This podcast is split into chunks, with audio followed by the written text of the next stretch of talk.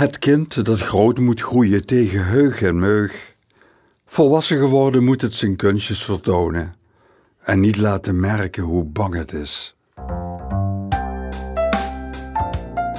Mijndert Muller. Heeft mooi praten. Poëzie podcast over het leven. Dan weet je het wel.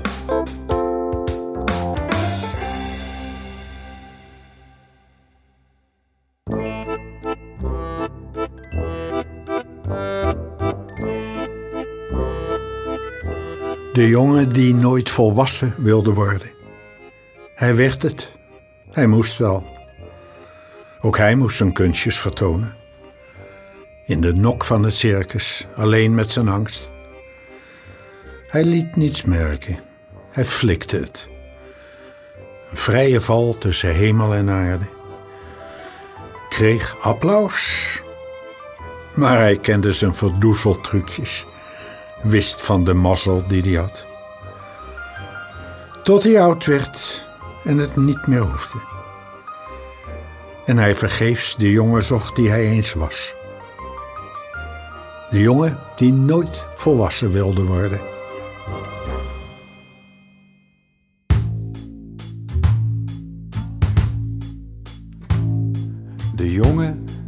Tuba speelt terwijl hij in zichzelf verdwijnt, al zoekend naar de toon die kweelt als een die alle tijd verdeelde in hiervoor, nu en voortaan.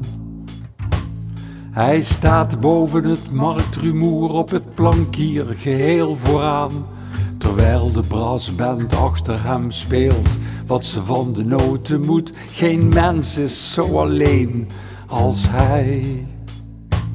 Hij geeft zijn instrument een stem die in het koper wordt gesmoord en niet tot de terrassen reikt. Geen mens die hoort wat hij verwoordt.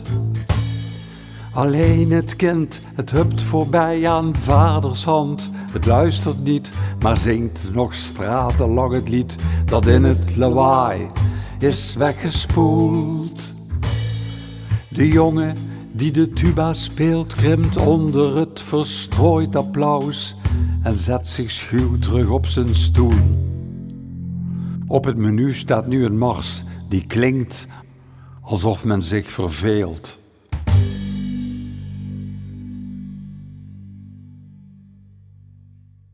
Wanneer ik de jongen die ik was toen ik nog een jongen was, uit een ver verleden terug wil halen, ga ik met mijn kleinzoon naar de sluis.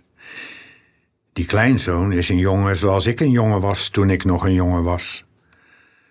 Zulke jongens weten wat het is om je te vergapen.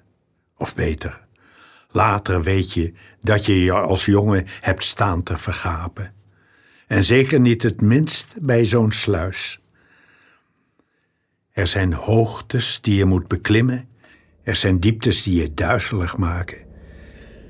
Er zijn schuimbekken, de monsters die huiveringwekkende geluiden maken in betonnen krochten.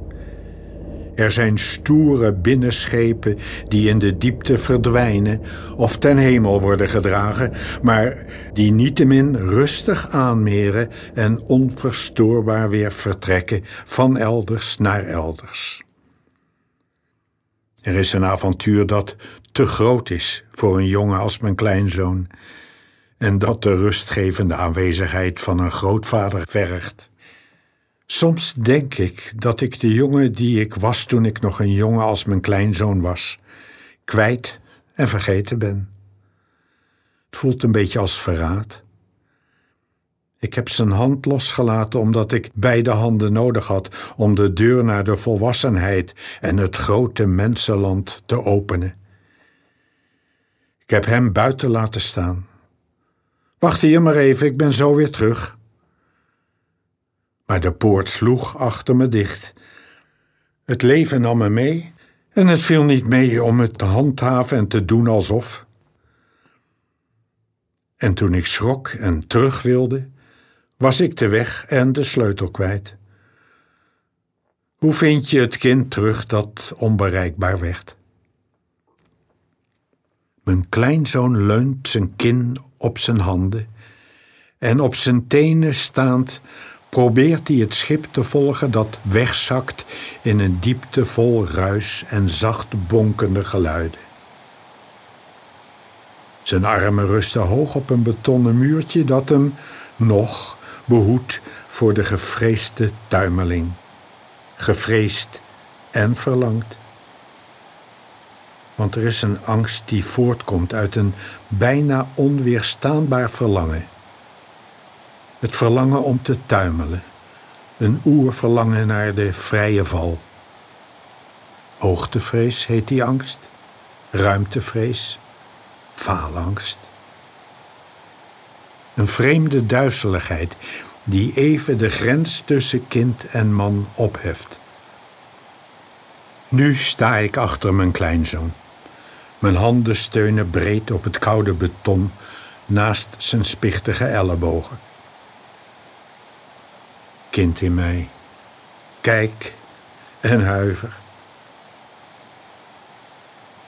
Als de druipende en lekkende sluisdeuren met een kleine holle siddering tegen de machtige wanden tot stilstand komen. Varen mijn, zijn, mijn ogen met het schip mee onder de weg naar Grevenberg door. Verdwijnend, weer opdoemend, zijn parcours snijdend in de blinkende strada naar en voorbij de einder. Er staat een man in de stuurhut. Er staat een auto op het achterdek. En een box, dus weer een kind. Er blaft een hond, één keer, kort. Hou zee, mijn hart. Mijn kleinzoon en ik. We varen.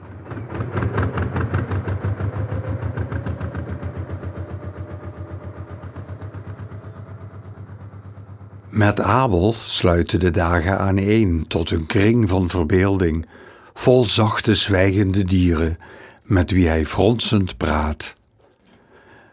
Hij hoedt zijn kudde, van elk soort meestal maar één, met verzwegen verhaaltjes die hij zichzelf vertelt. Met Abel ga ik fietsen, een kring van drie dagen, langs moeilijk verstaanbare woorden. Met hem kun je lachen. De jongen die groot worden schuwde. De jongen die groot worden moest. Drinkt zijn pilsje op het terras van de speeltuin en kijkt naar het kind van zijn kind. De jongen die groot worden schuwde, kijkt toe hoe hij zich herhaalt in het kind dat speelt in de zandbak. Zijn neus snuit in de zakdoek van opa, die een pilsje drinkt op het terras, zich herhaalt, toekijkt, zijn neus snuit.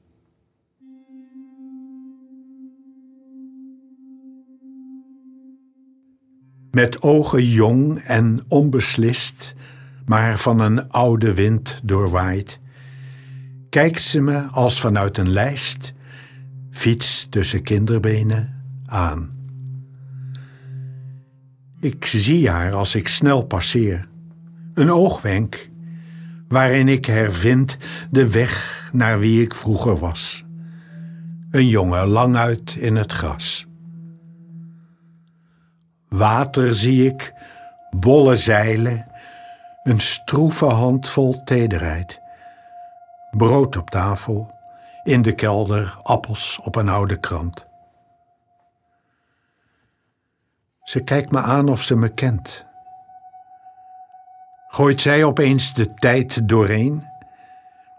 Weeft zij dit onverhoeds moment als een belofte om me heen? Kan ik nog schuilen in de tijd. Een kind als zij, van hogerhand bevoegd te kijken met een blik die gaten in de leegte brandt.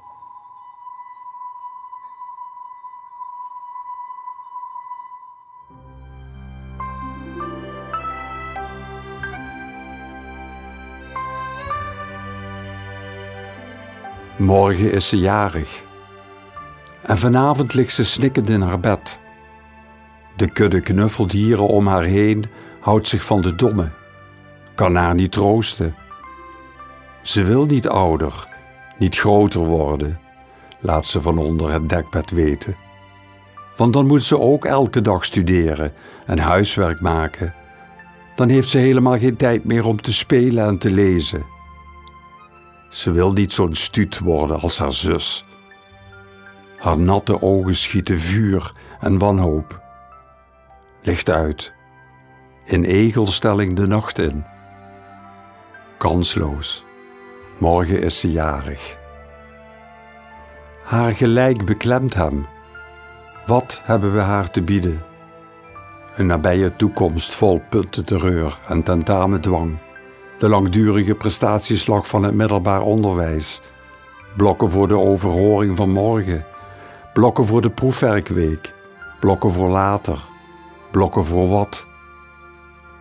Blokken voor wat? Ze wil niet. Ze zou niet weten waarvoor. Ze leeft pas als ze speelt of als ze leest. Ze vlucht in boeken, zoals ze vlucht in bed. Ze slaapt al, warm en onvindbaar tussen haar beesten, diep onder het dek, weg, even veilig. Morgen moet ze jarig zijn. Hiep, hiep, hoera. Hij wil haar beschermen tegen de pijn van het groter worden. Veel te goed weet hij wat ze voelt. Hij is het zelf die ontroostbaar alleen gelaten wil worden, die de bui ziet hangen, die het onontkoombare van zich af wil schoppen, het groot en verstandig worden, het moeten om eigen best wil, de saaie, stomme, belachelijke wereld van de volwassenen. Hij voelt zich door haar tranen beschuldigd en heeft geen verweer en geen alternatief. Hij zal haar klein weerbarstig heelal open moeten breken. Haar tranen staan in zijn ogen.